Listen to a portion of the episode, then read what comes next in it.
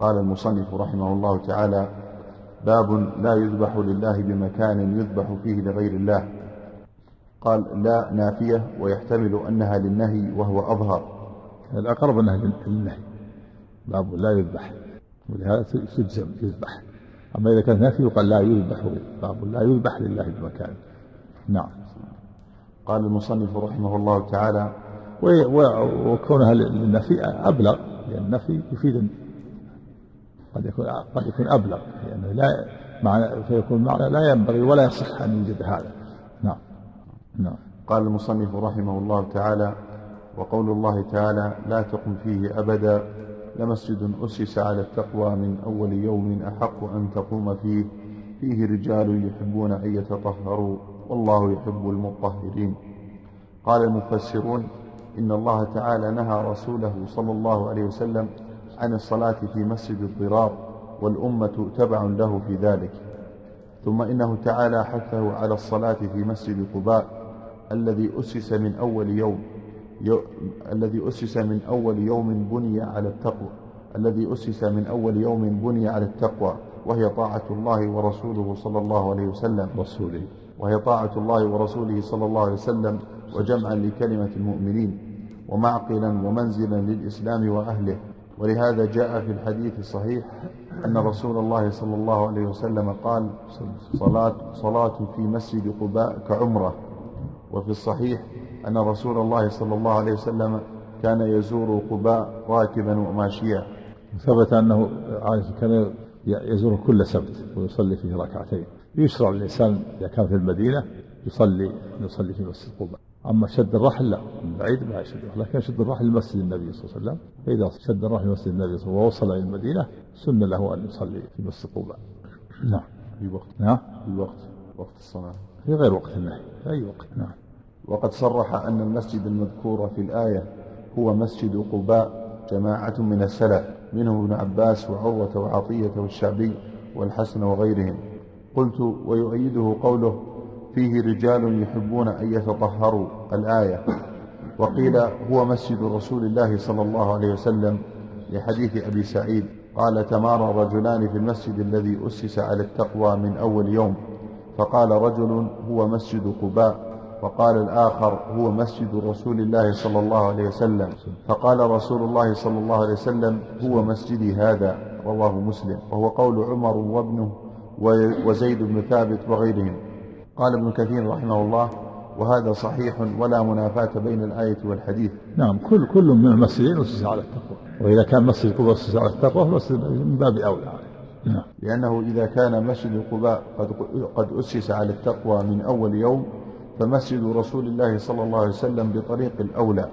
وهذا بخلاف مسجد الضرار الذي أسس على معصية الله كما قال تعالى والذين اتخذوا مسجدا ضرارا وكفرا وتفريقا بين, بين المؤمنين وإرصادا لمن حارب الله ورسوله من قبل ولا يحلفن إن أردنا إلا الحسنى والله يشهد إنهم لكاذبون. فلهذه الأمور نهى الله نبيه صلى الله عليه وسلم عن القيام فيه للصلاة وكان الذين بنوه جاءوا إلى النبي صلى الله عليه وسلم قبل خروجه إلى غزوة تبوك فسألوه أن يصلي فيه وأنهم إنما بنوه للضعفاء.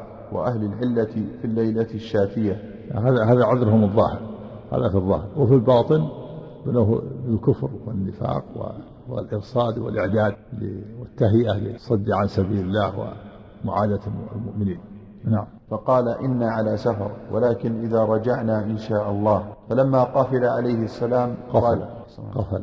نعم. فلما قفل عليه السلام عليه الصلاة والسلام راجعا إلى المدينة ولم يبق بينه وبينها إلا يوم أو بعضه. نزل الوحي بخبر المسجد فبعث إليه يوم أو بعضه نعم. ولم يبق بينه وبينها إلا يوم أو بعضه نزل الوحي بخبر السماء فبعث إليه فهدمه قبل قدومه إلى المدينة. ووجه مناسبة الآية للترجمة أن المواضع المعدة للذبح لغير الله يجب اجتناب الذبح فيها ل... يجب اجتناب الذبح فيها لله كما أن هذا المسجد لما أعد للمعصية صار محل غضب لأجل ذلك فلا تجوز الصلاة فيه لله. فنهى الله نبيه أن يصلي فيه وإن كان النبي يصلي لله لكن لما كان مكان مكان غضب نهي عن الصلاة فيه. فكذلك المكان المعد للذبح لغير الله وإن لا يذبح فيه الإنسان لله وإن كان الإنسان يذبح لله لكن ليس له أن يشارك الكفرة في المكان. الكفرة يذبحون لغير الله والمؤمن يذبح لله. المقصد مختلف لكن لا يجوز المشاركة حتى في المكان لأنه من وسائل الشرك. لأن الإنسان يستدرج بالإنسان يذبح أول لله ثم يذبح يشارك الكفرة. مثل الصلاة في المقابر وسيلة للشرك فلا يجوز أن يصلي في المقبرة ولا يقرأ القرآن في المقبرة. وإن كان يصلي لله ويقرأ القرآن لله لكن يجره الشيطان يتدرج به حتى يوصله إلى أن يصلي لصاحب القبر الحمد لله. هذا طيب. مثل ما مثل ما أعد في وثن الطائف أعد مسجد اللات لما هدم صار فيه مسجد مسجد الطائف. مثل ما كان مسجد النبي كان فيه قبور المشركين وأمر بها فنبشت وكان فيه آه، خربات فسويت وفيه نخل فقطعت وجعل فيه مسجد النبي صلى الله عليه وسلم. نعم. وهذا قياس صحيح. إيه جميع الأماكن التي يعصى فيها الله. مكان مثلا معد لشرب الخمور مكان معد لفساد لا لا يصلى لا لا يصلى فيه. لا يشارك الإنسان العصاة في مكانهم. ها؟ المسجد في قبر لا تصح الصلاة فيه لا يصلى فيه. إذا كان القبر داخل السور إن كان خارج لا نعم. ولا يصلي فيه. لقول لعن الله اليهود والنصارى اتخذوا قبور أنبيائهم ألا فلا تتخذوا قبور مساجد فإني أنهاكم عن ذلك. نعم. لا يصلي. يصلي في البيت ولا يصلي فيه. إلا إذا كان خارج السور. نعم. وهذا قياس صحيح ويؤيده حديث ثابت بن الضحاك الآتي. قوله فيه رجال يحبون أن يتطهروا. روى الإمام أحمد بن خزيمة وغيرهما عن عويم بن قوله فيه رجال يحبون أن يتطهروا. روى الإمام أحمد وابن خزيمة وغيرهما عن عويم بن ساعدة الأنصاري رضي الله عنه أن النبي صلى الله عليه وسلم أتاهم في مسجد قباء فقال إن الله قد أحسن عليكم الثناء بالطهور في قصة مسجدكم فما هذا الطهور الذي تتطهرون به؟ فقالوا يا رسول الله ما نعلم شيئا إلا أنه كان لنا جيران من اليهود فكانوا يغسلون أدبارهم من الغائط فغسلنا كما غسلوا. وفي رواية عن جابر وأنس رضي الله عنهما هو ذاك فعليكموه. رواه ابن ماجه وابن أبي حاتم والدار قطري والحاكم. قوله والله يحب المطهرين. عندك في السند له موصف من الحديث؟ فيه ضعف. نزلت في أهل قباء وأنهم يدون باليهود استجمروا ثم يصلون أدبارهم بالماء مراجعة تخريج حديث قول السليم عندك قال حسن بشواهده. ها؟ قال حسن بشواهده من هذا؟ النسخة الجديدة ها؟ جديدة. إيه حسن بشواهده. قال حسن بشواهده. إيه. كذلك في رواية عن جابر وأنس هو ذاك عليكم قال حسن بشواهد أذكر أنها أنه فيهم بعض الأخوة خرجهم كان فيه ضعف. على كل حال ها؟ ها؟ عنه الترمذي حديث غريب. إيه. يحتاج على كل حال الشواهد إذا كان شواهد نعم إذا كان طرقه ليس ليس فيها متروك تهم بالوضع يتقوى بالشواهد. أما إذا كان سند فيه متروك يحتاج إلى مراجعة السند. إذا كان في متروك ما ما يفيد ما تفيد الشواهد. لا تقوي نعم. قوله والله يحب المطهرين. قال أبو العالية إن الطهور وعلى كل حال الآية واضحة حتى ولو صح الحديث. الآية واضحة لكن كان في نزولها في أهل قباء نعم. قوله والله يحب المطهرين.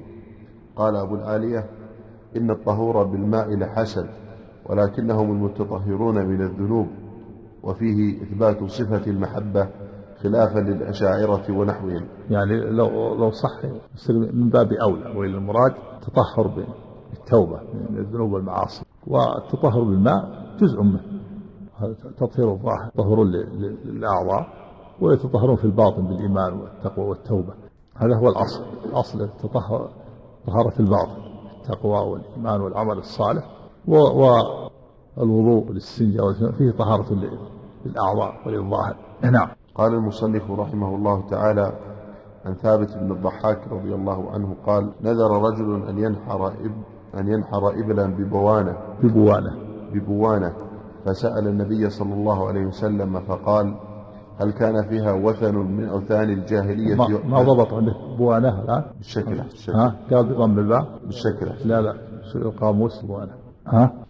باقي وقت شوف القاموس ما يخالف كان يمكن فيه وجه آخر. نعم. قال في الوجه نعم. في بوانة وبوانة. نعم. نعم. ما يخالف شوف القاموس نعم. قال فقال هل كان فيها وثن من أوثان الجاهلية يعبد؟ قالوا لا. قال فهل كان فيها عيد من أعيادهم؟ قالوا لا. فقال رسول الله صلى الله عليه وسلم أوفي بنذرك فإنه أوفي. أوفي بنذرك. أوفي بنذرك. فإنه لا وفاء بنذر في معصية الله. ولا فيما لا يملك ابن آدم رواه أبو داود وإسناده على شرطهما. قوله عن ثابت بن الضحاك أي ابن خليفة الأشهري صحابي مشهور روى عنه أبو قلابة وغيره. قلابة أبو قلابة نعم. روى عنه أبو قلابة وغيره مات سنة أربع وستين. قوله ببوانة بضم الباء وقيل بفتحها. مم. قال البغوي يعني المقدم الضم. هذا القول. يعني مرج- مرجوح يعني المقدم الضم يعني أفصح الضم مش قال وأنا كثمامة إيش حضبة ما توسع كأن الشارع اطلع على والآخر راجع أوسع من هذا اللسان وغيره. نعم. على كل حال الأفصح الضم مقدم. بوانة أفصح من بوانة هنا. هذا قيل يعني وقيل بفتحها.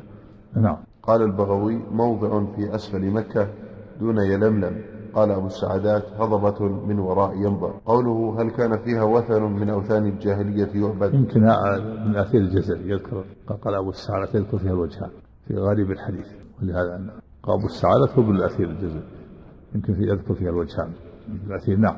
قوله هل كان فيها وثن من أوثان الجاهلية يعبد؟ فيه المنع من الوفاء بالنذر إن ك- إذا كان في المكان وثن ولو بعد زواله قاله المصنف رحمه الله.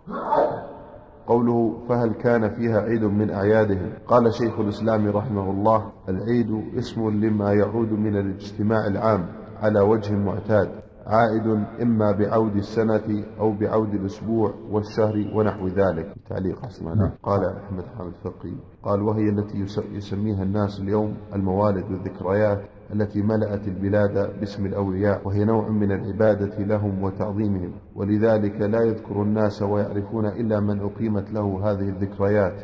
لا ما ليست من العبادة ما إلا إذا كان فيها شيء من دون الله تعليقات محمد الحمد الفقيه عليها ملحوظات كلها ليست كلها مسلمة. تعقبها سمعت ها؟ تعقبها سمعت الشيخ. نعم. قال ولو كان أجهل خلق الله وأفسقهم فكلما كسدت سوق الطاغوت من هؤلاء قامت السدنة بهذا العيد لتحيي في نفوس العامة عبادته وتكثر الهدايا والقرابين والقرابين باسمه. وقد امتلأت البلاد الإسلامية بهذه الذكريات وعمت بها المصيبة وعادت بها الجاهلية إلى بلاد الإسلام. ولا حول ولا قوة إلا بالله. ثم تعقب سماحة الشيخ رحمه الله.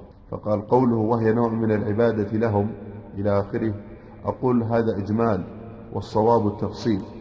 بأن يقال من أقام المولد لقصد التقرب إلى صاحبه ورجاء نفعه وبركته أو لكي يدفع عن مقيم المولد بعض الضرر ونحو ذلك فهذا تعتبر إقامته المولد عبادة لصاحبه فإن دعاه مع ذلك أو استغاث به أو نذر له أو ذبح له أو فعل معه شيئا من بقية أنواع العبادة صار ذلك شركا إلى شرك. وهذا هو الذي يفعله الكثيرون ممن يقيم الموالد للنبي صلى الله عليه وسلم أو للحسين رضي الله عنه أو للبدوي أو غيرهم. أما من أقام المولد لقصد التقرب إلى الله سبحانه ظنا منه أن ذلك من العبادات التي يحبها الله فهذا لا يكون عابدا لصاحب المولد إذ لم يقع منه شيء من الشرك في احتفال المولد. ولكنه قد أتى ببدعة لم يشرعها ولكنه قد أتى ببدعة لم يشرعها الله سبحانه ولا رسوله صلى الله عليه وسلم ولا فعلها السلف الصالح رضي الله عنهم. ولو كان قصده حسنا لأن العبادات توقيفية لا يجوز الاتيان بشيء منها إلا بتشريع من الله ورسوله صلى الله عليه وسلم. ولقد عظمت المصيبة بهذا المولد وحصل بها من الشرك والفساد ما لا يحصيه إلا الله عز وجل. فإنا لله وإنا إليه راجعون. ونسأل الله أن يصلح أحوال المسلمين ويمنحهم الفقه, ويمنحهم الفقه في الدين ويوفقهم لاتباع السنة وترك البدعة. إنه سميع مجيب. نعم هذا في التفصيل. كما كما ذكر رحمه الله. يعني قد تكون عبادة وقد لا يكون فيها عبادة من ذلك مولد أحمد البدوي في طنطا في مصر. هذا يقيمون فيه هذا المولد فيه عبادات يعبدونها من دون الله ويأتي الناس من كل مكان. حتى إنه قيل إنه في بعض السنوات الذي حضروا المولد ما يقال مليونين هذا مولد أحمد البدوي. أكثر من الحجاج اللي يحجون إلى بيت الله. نسأل الله السلامة والعافية. والمراد به يطاف يطاف حول القبر ويدعى من دون الله.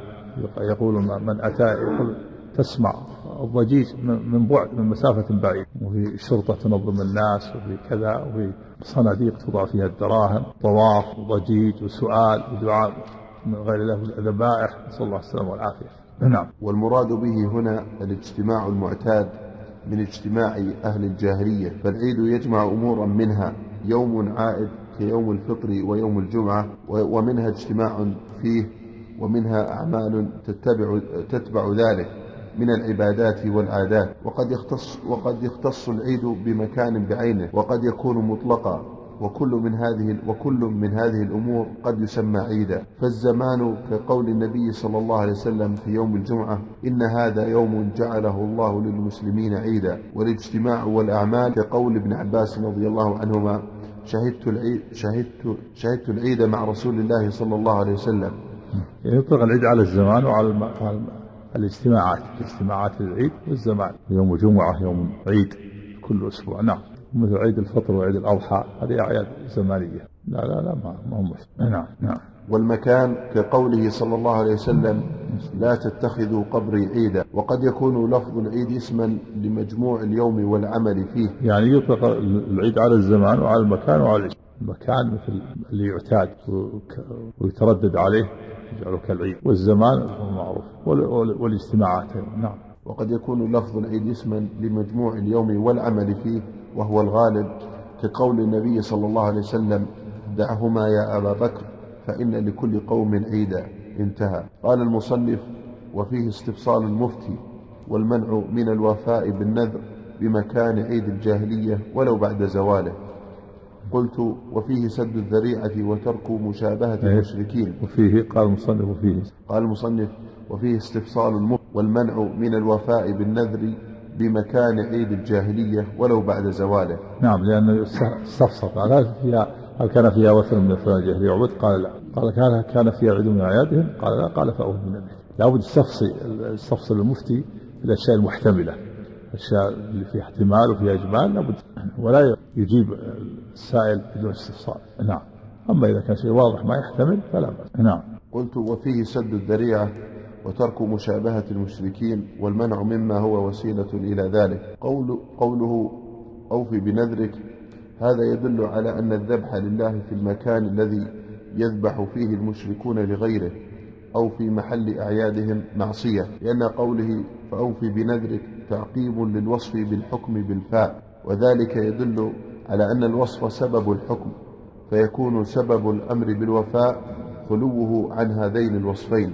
فلما قالوا لا قال فأوفي بنذرك. هذا وهذا يقتضي أن كون البقعة مكانا لعيدهم أو بها وثن من أوثانهم مانع من الذبح بها ولو نذره قاله شيخ الإسلام. وهذا يقتضي. وهذا يقتضي أن كون البقعة مكانا لعيدهم أو بها وثن من أوثانهم مانع من الذبح بها ولو نذره. نعم.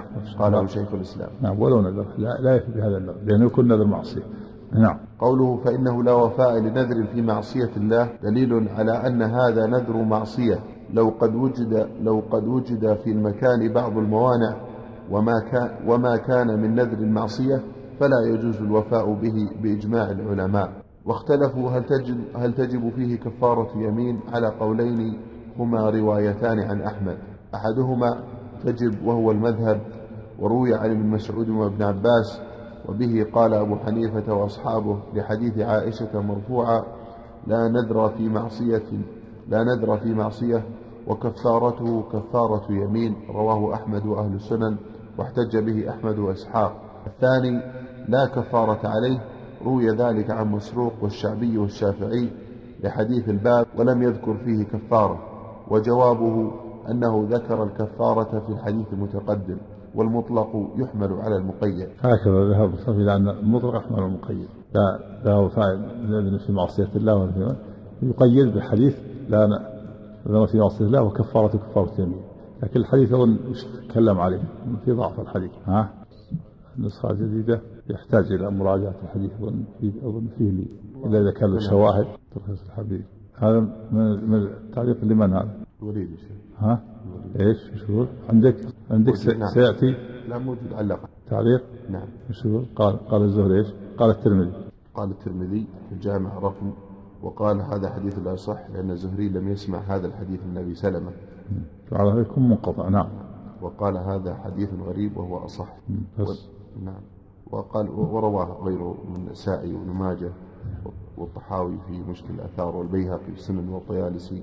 وله شاهد من حديث ابن عباس أخرجه أبو داود في السنن ودار قطني في السنن. قال ابن حجر في التلخيص حديث حسن وشاهد من حديث عمران بن حسين أخرجه أحمد في المسند. يعني فيكون حسن بالشواهد. هذا يكون حسن بالشواهد. المتروك هذا معناه متهم بالوضع معناه ضعيف جدا.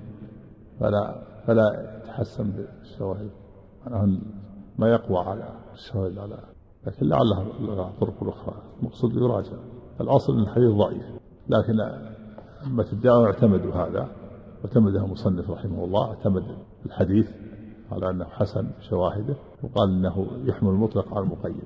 وعلى هذا يكون إذا نذر معصية أو فيما لا يملك كفر كفارة. إذا نذر أن يشرب الدخان عليه أن يتوب الله ولا يشرب الدخان وعليه ما ذلك يكفر كفارة يمين يطعم عشرة مساكين أو يكسوه أو يعتق رقبة.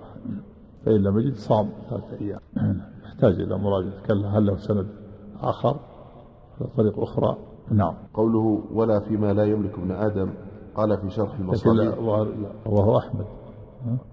قال رواه أحمد نعم؟ وأهل السنة. رواه أحمد وأهل السنن ها. يحتاج إلى زيادة مراجعة. نعم. قوله ولا فيما لا يملك ابن آدم قال في شرح المصابيح يعني إذا أضاف النذر إلى معين لا يملكه بأن قال إن شفى الله مريضي فلله علي أن أعتق عبد فلان ونحو ذلك. فأما إذا التزم في الذمة شيئا بأن قال إن شفى الله مريضي فلله علي أن أعتق رقبة وهو في تلك الحال لا يملكها ولا قيمتها فإذا شفى الله مريضه ثبت ذلك في ذمته. نعم. متى ما قدر. قال نعم. قوله رواه أبو داود وإسناده على شرطهما أي البخاري ومسلم. وأبو داود اسمه سليمان بن أشعث بن إسحاق بن بشير بن شداد الأزدي السجستاني صاحب الإمام أحمد ومصنف السنن والمراسيل وغيرهما. ثقة إمام حافظ من كبار العلماء مات إيه. سنة صاح- صاحب الإمام أحمد. صاحب الإمام أحمد ومصنف السنن والمراسيل وغيرهما. ثقة إمام حافظ من كبار العلماء مات سنة خمس وسبعين ومائتين. قال المصنف رحمه الله في مسائل الأولى تفسير قوله لا تقم فيه أبدا. نعم نهى نبيه أن أن يقوم في في المكان الذي يعصى الله فيه. وكذلك لا لا يذبح لله المكان يذبح فيه. قياس قياس صحيح. لا يذبح لله المكان يذبح فيه لغير الله. فالقياس صحيح واضح. نعم. ثانية أن المعصية قد تؤثر في الأرض وكذلك الطاعة. صحيح؟ نعم. نعم. الثالثة رد المسألة المشكلة إلى المسألة البينة ليزول الإشكال. نعم. من هذا؟ كان يعني هذه المسألة ردت إلى إلى الآية. نعم. الرابعة استفسار المفتي إذا احتاج إلى ذلك. هل كان في هوة مثل الجاهلية نعم. الخامسة أن تخصيص البقعة بالنذر لا بأس به إذا خلا من الموانع. إيه. والدليل على هذا استفصال النبي صلى الله عليه وسلم. نعم. السادسة المنع منه إذا كان فيه وثن من أوثان الجاهلية ولو بعد زواله. نعم. السابعة المنع منه إذا كان فيه عيد من أعيادهم ولو بعد زواله. نعم. الثامنة أنه لا يجوز الوفاء أنه لا يجوز الوفاء بما نذر في تلك البقعة لأنه نذر معصية. نعم. التاسعة الحذر من مشابهة المشركين في أعيادهم ولو لم يقصده. نعم لأن قد قد يجره إلى إلى موافقتهم نعم إلى إلى القصد نعم. العاشرة لا نذر في معصية. نعم. الحادي نعم. الحادية عشرة لا نذر لابن آدم فيما لا يملك. باب من الشرك النذر لغير الله. نعم. أي لكونه عبادة يجب الوفاء به إذا يجب الوفاء به إذا نذره لله. باب ما جاء. باب من الشرك النذر لغير الله. نعم. أي لكونه عبادة يجب, المص... يجب الوفاء به إذا نذره لله. فيكون النذر لغير الله شركا في العبادة. قال المصنف رحمه الله تعالى وقول الله تعالى يوفون بالنذر ويخافون يوما كان شره مستطيرا. فالآية دلت على وجوب الوفاء بالنذر. ومدح من فعل ذلك طاعة لله ووفاء بما تقرب به إليه. فدل على أنه طاعة لما مدحه الله وأثنى على من فعله دل على أنه طاعة. وإذا ثبت أنه طاعة فصرف الطاعة لغير الله شرك. هذا وجه الاستدلال أن الله مدح المفيد بالنذر. ولا يمدح الله فعلا إلا أنه طاعة. وصرف الطاعة لغير الله شرك. فدل على أن نذر لغير الله شرك. نعم. قال المصنف رحمه الله وقوله وما أنفقتم من نفقة أو نذرتم من نذر فإن الله يعلمه قال ابن كثير رحمه الله يخبر تعالى بأنه عالم بجميع ما يعمله العاملون من الخيرات من النفقات والمنذورات وتضمن ذلك مجازاته على ذلك أوفر الجزاء للعاملين به ابتغاء وجهه. وتضمن ذلك. وتضمن ذلك مجازاته على ذلك أوفر الجزاء للعاملين به ابتغاء وجهه. نعم مجازاته نعم. مجازاته نعم. ومجازاته نعم. وتضمن ذلك مجازاته نعم. وتضمن ذلك مجازاته على مجازاته على ذلك أوفر الجزاء للعاملين به ابتغاء وجهه. إذا علمت ذلك فهذه النذور الواقعة من عباد القبور تقربا بها إليهم ليقضوا لهم حوائجهم أو ليشفعوا لهم.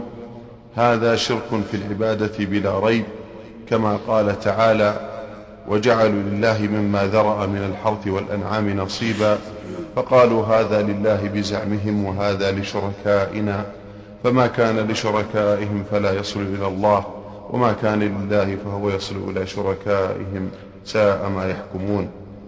قال شيخ الإسلام رحمه الله وأما ما نذر لغير الله كالنذر للأصنام والشمس والقمر والقبور ونحو ذلك فهو بمنزلة أن يحلف بغير الله من المخلوقات والحالف بالمخلوقات لا وفاء عليه ولا كفارة. قال الشيخ الإسلام. قال شيخ الإسلام وأما ما نذر لغير الله كالنذر للأصنام والشمس والقمر والقبور ونحو ذلك فهو بمنزلة أن يحلف بغير الله من المخلوقات.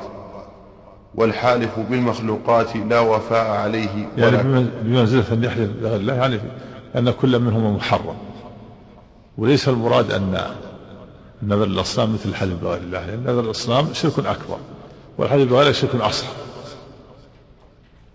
وهذا معروف من النصوص وكذلك شيخ الإسلام صرح في مواضع.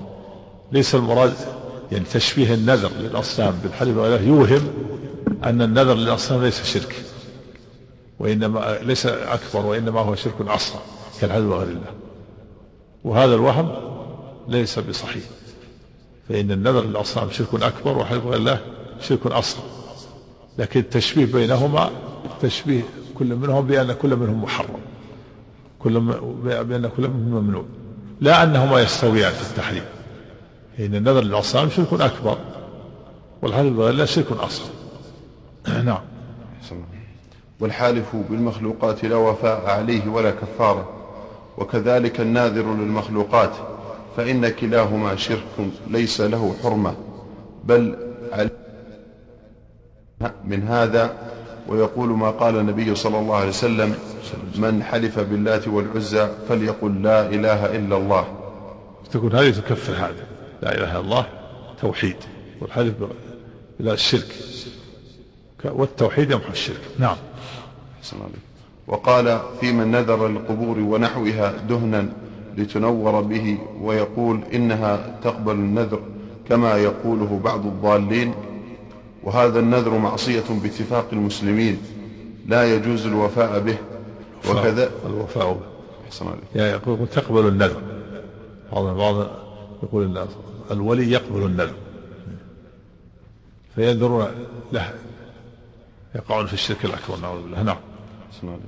وهذا النذر معصية باتفاق المسلمين لا يجوز الوفاء به وكذلك إذا نذر مالا للسدنة أو المجاورين العاكفين بتلك البقعة فإن فيهم شبها من السدنة التي كانت عند اللات والعزى ومناة يأكلون أموال الناس بالباطل ويصدون عن سبيل الله. والمجاورون هنا فيهم شبهة من الذين قال فيهم الخليل عليه السلام ما هذه التماثيل التي أنتم لها عاكفون؟ يعني المجاورين للأصنام والسدنة عاكفون عندها. هم مشبهون لسدنة الأصنام. نعم. والذي والذين اجتاز بهم موسى وقومه قال والذين اجتاز بهم موسى وقومه قال تعالى وجاوزنا ببني إسرائيل البحر فأتوا على قوم يعكفون على أصنام لهم فالنذر لأولئك السدنة والمجاورين في هذه البقاع نذر معصية وفيه شبه من النذر لسدنة الصلبان والمجاورين عندها أو لسدنة الأبداد التي إيش؟ ففيه شبه؟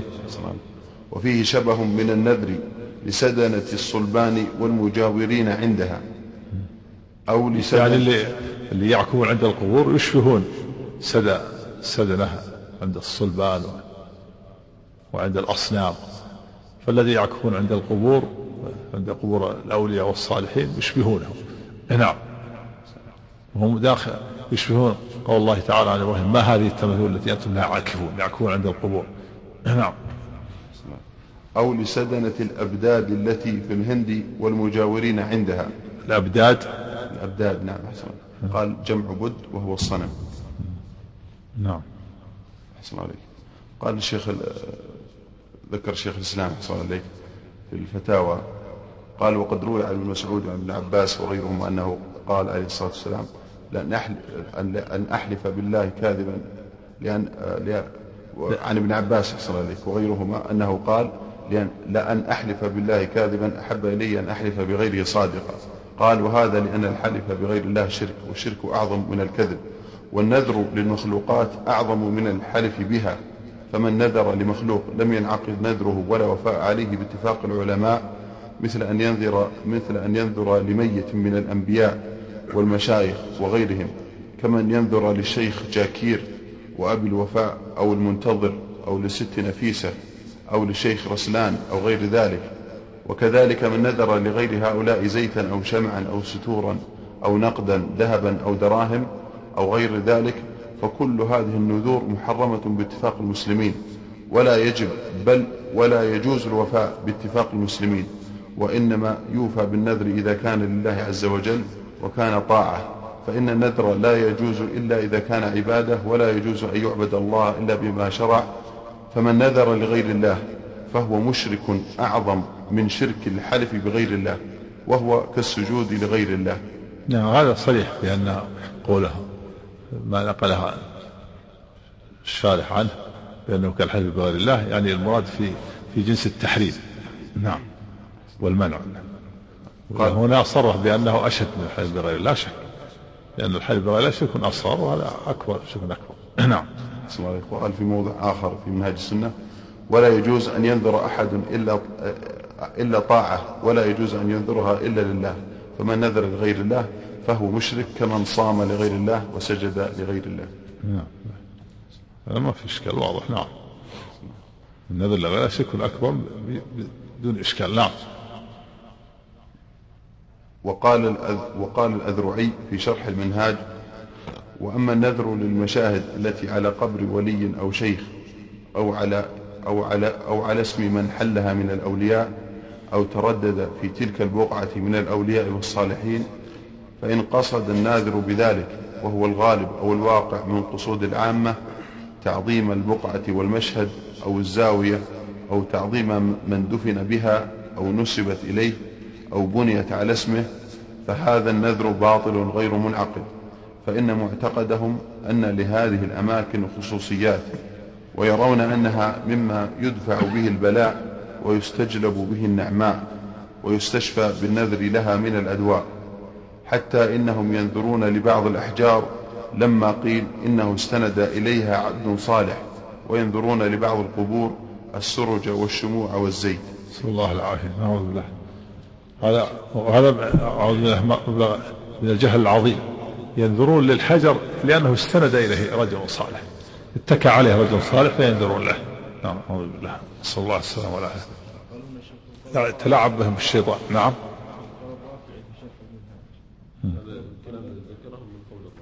الرافعي عندك إيش؟ عندك الأذرعي؟ قال في, في جميع النسخ الرافعي تحريف والمثبت من التيسير هو أبو العباس أحمد بن حمدان بن حمدان بن أحمد بن عبد الوهاب فقيه شافعي الدره الكامله المثبت من التيسير. نعم. النسخة اللي بعدها يا شيخ الأذرعي ها؟ النسخة الجديدة الأذرعي إيه. وذكر ترجمة هنا بالدرة الكاملة. شو يقول؟ قال هو أبو العباس أحمد بن حمدان بن أحمد بن عبد الوهاب فقيه شافعي توفي سنة 783 هجرية الدرر. يراجع يحتمل أنه قد, قد يكون له وصفان يسمى الأذرعي والرافعي يراجع ترجمة الرافعي. ما ولا ذكر ترجمة الرافعي؟ يراجع ترجمة الرافعي. الشافعية في تراجم الشافعية. ينظر. قد يكون واحد له وصفان قد يكون اشتبه على البعض. حق يراجع هذا وهذا. الأذرعي والرافعي. ترجمة. نعم. ويقولون القبر الفلاني أو المكان الفلاني أو المكان الفلاني يقبل النذر. يعنون بذلك أنه يحصل به الغرض المأمول من شفاء مريض أو قدوم غائم وسلامة مال وغير ذلك من أنواع نذر المجازاة. فهذا النذر على هذا الوجه باطل لا شك فيه بل نذر الزيت والشمع ونحوهما القبور باطل مطلقا. ومن ذلك نذر الشموع الكثيرة العظيمة وغيرها لقبر الخليل عليه الصلاة والسلام. ولقبر غيره من الأنبياء والأولياء فإن الناذر لا يقصد بذلك إلا الإيقاد على القبر تبركا وتعظيما ظانا أن ذلك قربة فهذا مما لا ريب في بطلانه والإيقاد المذكور محرم سواء انتفع به هناك أم سواء انتفع به هناك سواء انتفع به هناك منتفع أم لا. وقال شيء يعني ينظر الشمع حتى توقد النار. يسرج يسرج القبر. ينور. ما كان عندهم كهرباء. يكون دائم دائم القبر فيه فيه نور. يكون هذا من باب التعظيم. فإذا مرآه مر من رآه جاء جاء إليه وعظمه وعاكف عنده. السرج هذه من من أسباب تعظيم القبور ومن وسائل الشرك. فلا يجوز تسريج وإنارة القبور وإنارة المقبرة وتسريجها. ووضع الزهور والرياحين والتجصيص ورفعها فوق شبر والكتابة عليه كل هذا من وسائل الشرك من المحرمات. لا تجوز لأن لأنها إذا رفع القبر هذا صار دعوة إلى إلى تعظيمه إذا جصص كذلك إذا وضعت فيه الزهور والرياحين والأطياب إذا نور صار منار كل هذا من وسائل الشرك. نعم. الاحتياط الفقهية ذكر شيخ الإسلام أن الإيقاد في عرفة ومزدلفة بدعة. بدعة إيه. إيش المقصود بالإيقاد؟ يوقدون النار يعني يوقدون نار كبيرة حتى يعرفها الناس. يوقدون نار مرتفعة حتى من جاء مثلا يعرف أن هذه مزدلفة. يوقد نار مرتفعة ويأتي من بعيد إلى هذه النار. وما ما لها أصل هذا ما فعله الصحابة. الإيقاد. ومن ذلك الإيقاد في ليلة النصف من شعبان أيضا كذلك من البدع. كانوا يوقدون النار ويصلون أيضا صلاة طويلة ليلة النصف من شعبان. هي الإيقاد.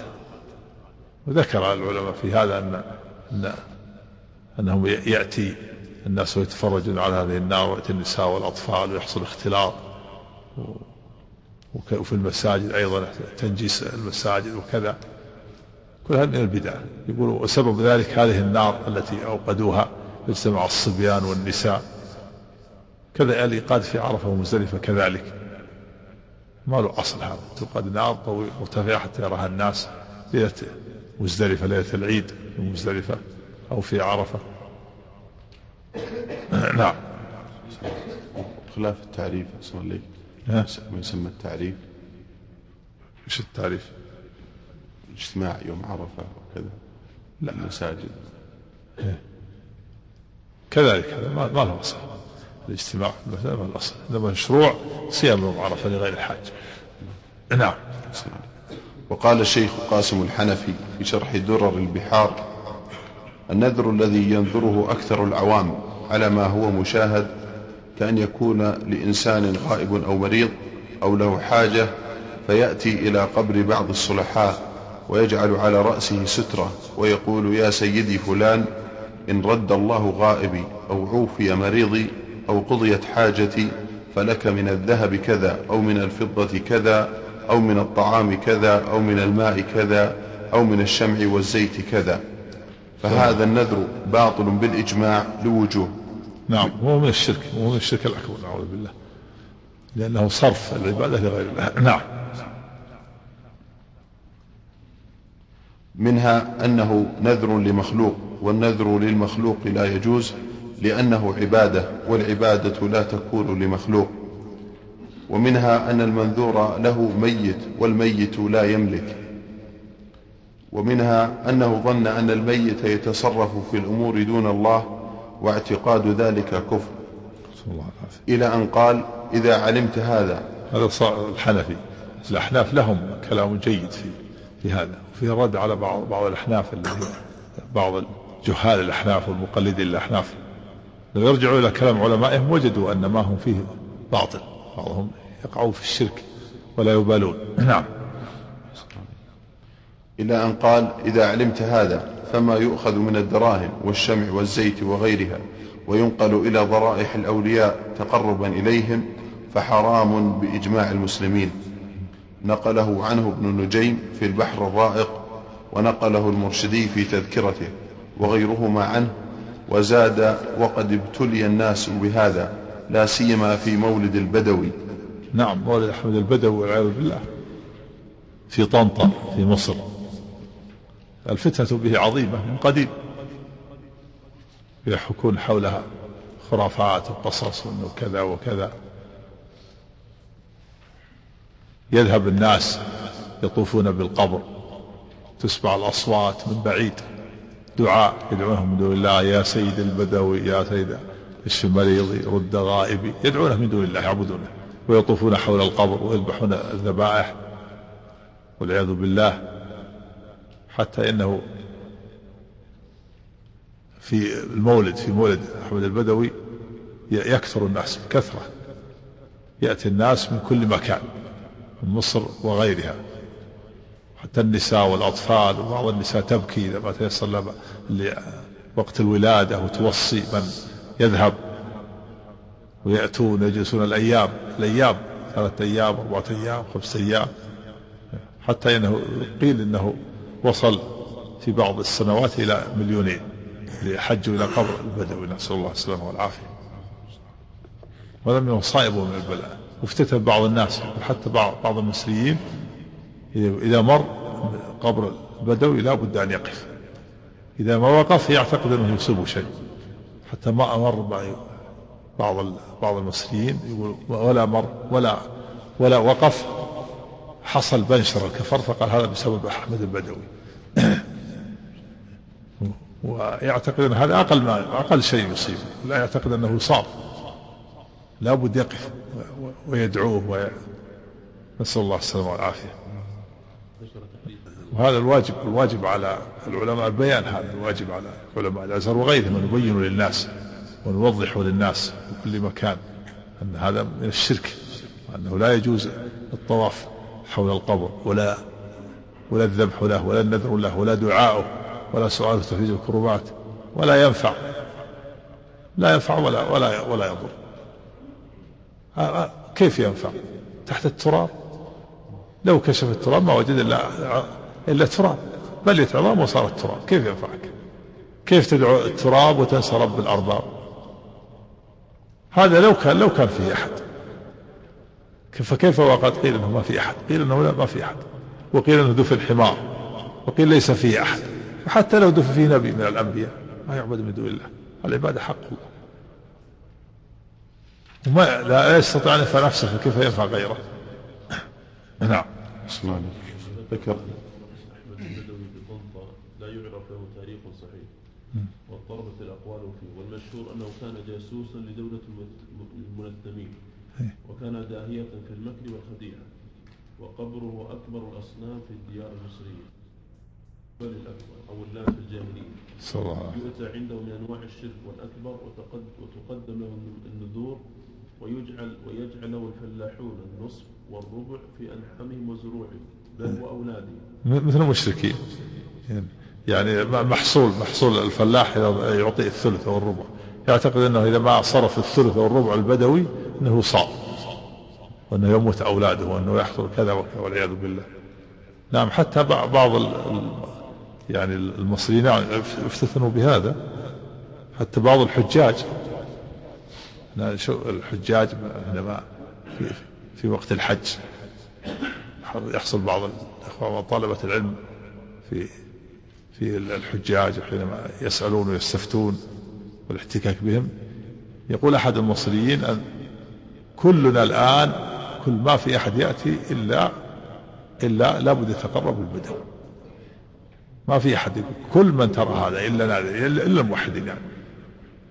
كلنا هكذا يقول أقلنا من يصرف له سنوي لابد من سنة. فيقول أحد المصريين أنا مرة تركت في سنة من السنوات ما ما دفعت للبدوي. فلما نمت في النوم وجدت جمل كبير فتح فمه يريد أن يأكلني. ف- فلما استيقظت على طول ذهبت ونذ- ونذرت له ودفعت له. خشية أن يأكلني هذا هذا الجمل. هذا الشيطان والعياذ تسلط عليه. الشيطان. إنه تسلط على المشركين نعوذ بالله. جاء في في صورة جمل يريد أن يأكله. حتى يغريه بالشرك ويشجعه بالشرك. وقد يتمثل له. قد يتمثل لهم الشيطان. قد يرون في في بيوتهم. تمثل لهم الشياطين في صورة البدوي يشجعه. مثل ما ذكر شيخ الإسلام. بعض الناس يقول إن ينشق القبر حتى ينشق القبر عن عن عن الشيطان في صورة صاحب القبر ويأتي ويسلم عليه ويشجعه ويقول له يقضي حوائجه هو شيطان. وقال ولقد أخبرني شيخ الإسلام أن أن بعض الناس قال إنه رآني في في مكان كذا وإني قلت له كذا وأنا لم أفعل ولم أتي إلى ذلك المكان. بينما الشيطان تمثل به. نسأل الله السلامة والعافية. كذلك أيضا ما ذكر عبد القادر الجيلاني قال إنه رأى عرشا فبين السماء والأرض وأنه ناداه ناداه بصوت مرتفع. يا عبد القادر الجيلاني أنا ربك إني أسقطت عنك التكاليف. يقول فقلت اخسع عدو الله. يقول فتمزق ذلك النور. وقال نجوت مني يا عبد القادر بعلمك وقد فتنت في هذه في هذه الفعلة سبعين صديقا أو كذا أو كذا أو سبعين وليا. فقيل كيف عرفت؟ قيل لعبد القادر كيف؟ قال إنه ما استطاع أن يقول أنا الله قال أنا ربك. وعرفت أن التكاليف لا تسقط عن عن الإنسان ما دام عقله ثابت فعرفت أنه شيطان. الشياطين لها لها يعني لها, أفعال ولها تصرفات ولها تسلطات. نسأل الله السلامة والعافية. نعم. ما يجوز. البدوي ما يجوز الذهاب ما يجوز إلا على وجه الإنكار. إذا تنكر تذهب وإلا كيف؟ تذهب إلى قوم يشركون بالله تكون معهم. يخشى أن يكون الإنسان مثلهم. عند يعبدون يدعون غير الله ويذبحون له قال الله تعالى وقد نزل عليكم في الكتاب أن إذا سمعتم آيات الله يكفر بها ويستهزأ بها فلا تقعدوا معهم حتى يخوضوا في حديث غيره. إنكم إذا مثلهم. إن الله جامع المنافقين والكافرين في جهنم جميعا. فاللي يجلس مع اللي يشربون الخمر ولا ينكر عليهم حكم حكم كأنه شرب الخمر. شريك له في الإثم. واللي يجلس مع المغتابين ولا ينكر عليهم مغتاب مثله وهكذا. وليجلس مع المشركين ولا يمكن الشرك وهو يقدر حكم حكم. أقر الشرك. من أقر الشرك فهو مشرك. الراضي كالفاعل نسأل الله السلامة والعافية نعم يذهب هناك الفرجة ما ما ما يجوز إلا على وجه الإنكار. إذا ينكر ولا لا, لا يذهب. وإذا أنكر يذهب. هناك يعني ما ما يستطيع ينكر. يعني يأتي في دهماء هذا العالم يقتل ويذهب. ما, ما يسمعون له لكن الإنكار لا له طرق. إنكار. أما يدخل في في في وسطهم ويقول لا تفعلوا هذا شرك هذا شرك. هذا كفر؟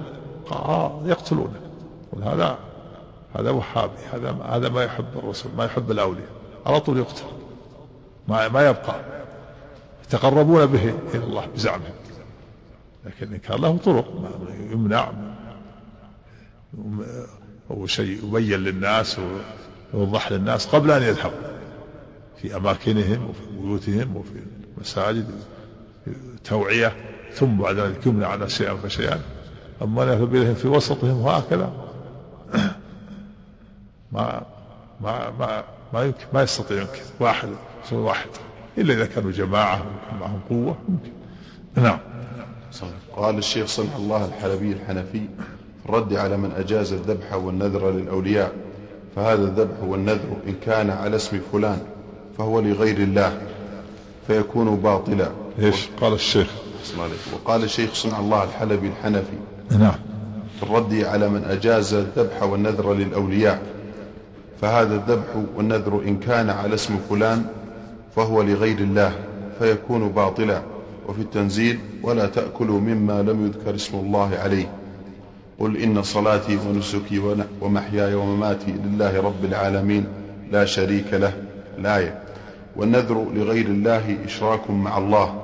كالذبح لغيره قال المصنف رحمه الله تعالى وفي الصحيح عن عائشة رضي الله تعالى عنها أن رسول الله صلى الله عليه وسلم قال من نذر أن يطيع الله فليطعه ومن نذر أن يعصي الله فلا يعصه قوله في الصحيح أي صحيح البخاري عن.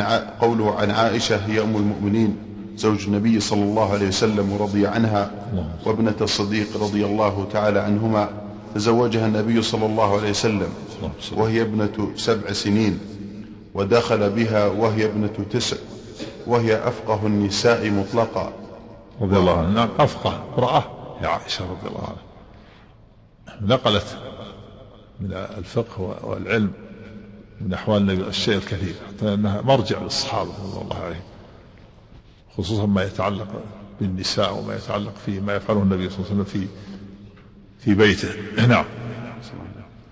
وأفضل أزواج النبي صلى الله عليه وسلم إلا خديجة ففيها خلاف. ماتت سنة نعم سبع قيل, إن خديجة أفضل وقيل إن عائشة أفضل. وقال بعض العلماء إن خديجة في أول الإسلام أفضل لأن ثبتت النبي صلى الله عليه وسلم وأول من امن به. وعائشة في آخر في آخر الأمر أفضل لأنها تفقهت ونقلت علما كثيرا. نعم. ماتت سنة سبع وخمسين على الصحيح. قوله من نذر أن يطيع الله فليطعه أي فليفعل ما نذره من طاعة من طاعة الله. وقد أجمع العلماء على أن من نذر طاعة بشرط يرجوه كإن, شف كإن شفى الله مريضي فعلي أن أتصدق بكذا. ونحو ذلك وجب عليه إن حصل على ما علق نذره على حصوله. نذره نعم. يجب لأنه يجب الوفاء بالنذر إذا كان طاعة نعم. وحكي عن أبي حنيفة رحمه الله أنه لا يلزمه الوفاء إلا بما جنسه واجب بأصل الشرع كالصوم. وأما ما ليس كذلك كالاعتكاف فلا فلا يوجب عليه الوفاء. أو فلا يجب نعم فلا يجب عليه الوفاء. فلا يجب ما كان جنسه مشروع وا- واجب مثل إذا نذر صوما جنسه واجب يفي به. إذا نذر صلاة يفي به.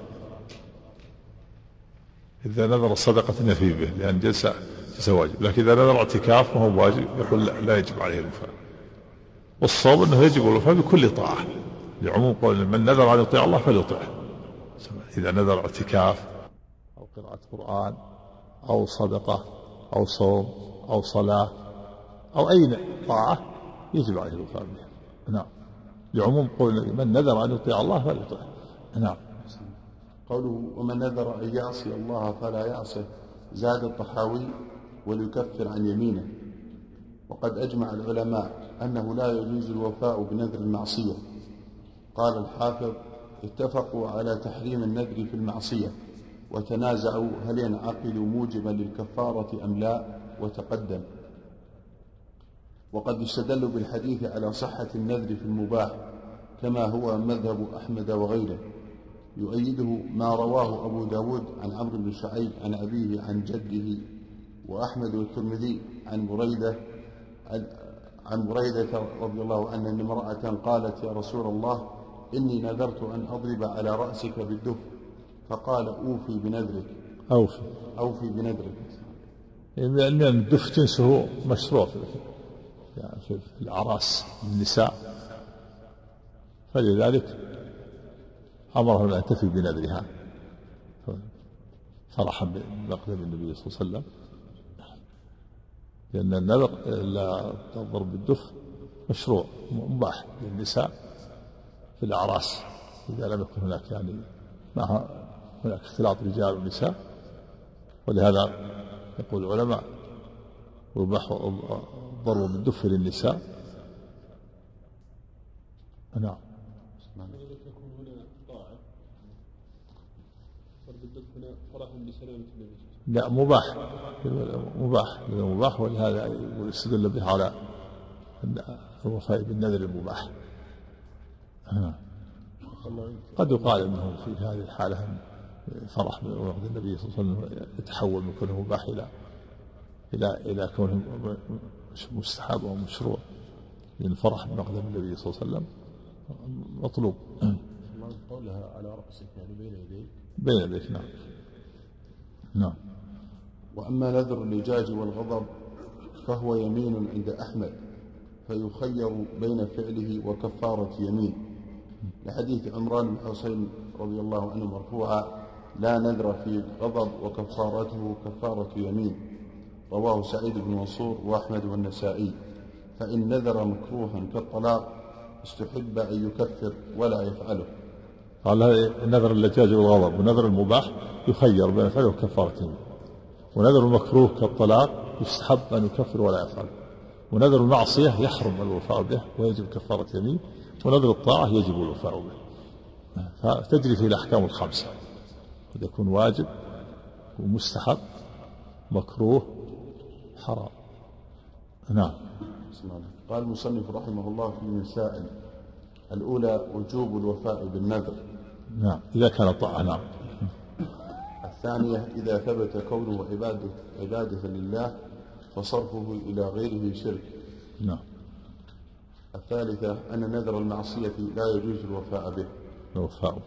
لا يجوز الوفاء به. نعم. بسم الله الرحمن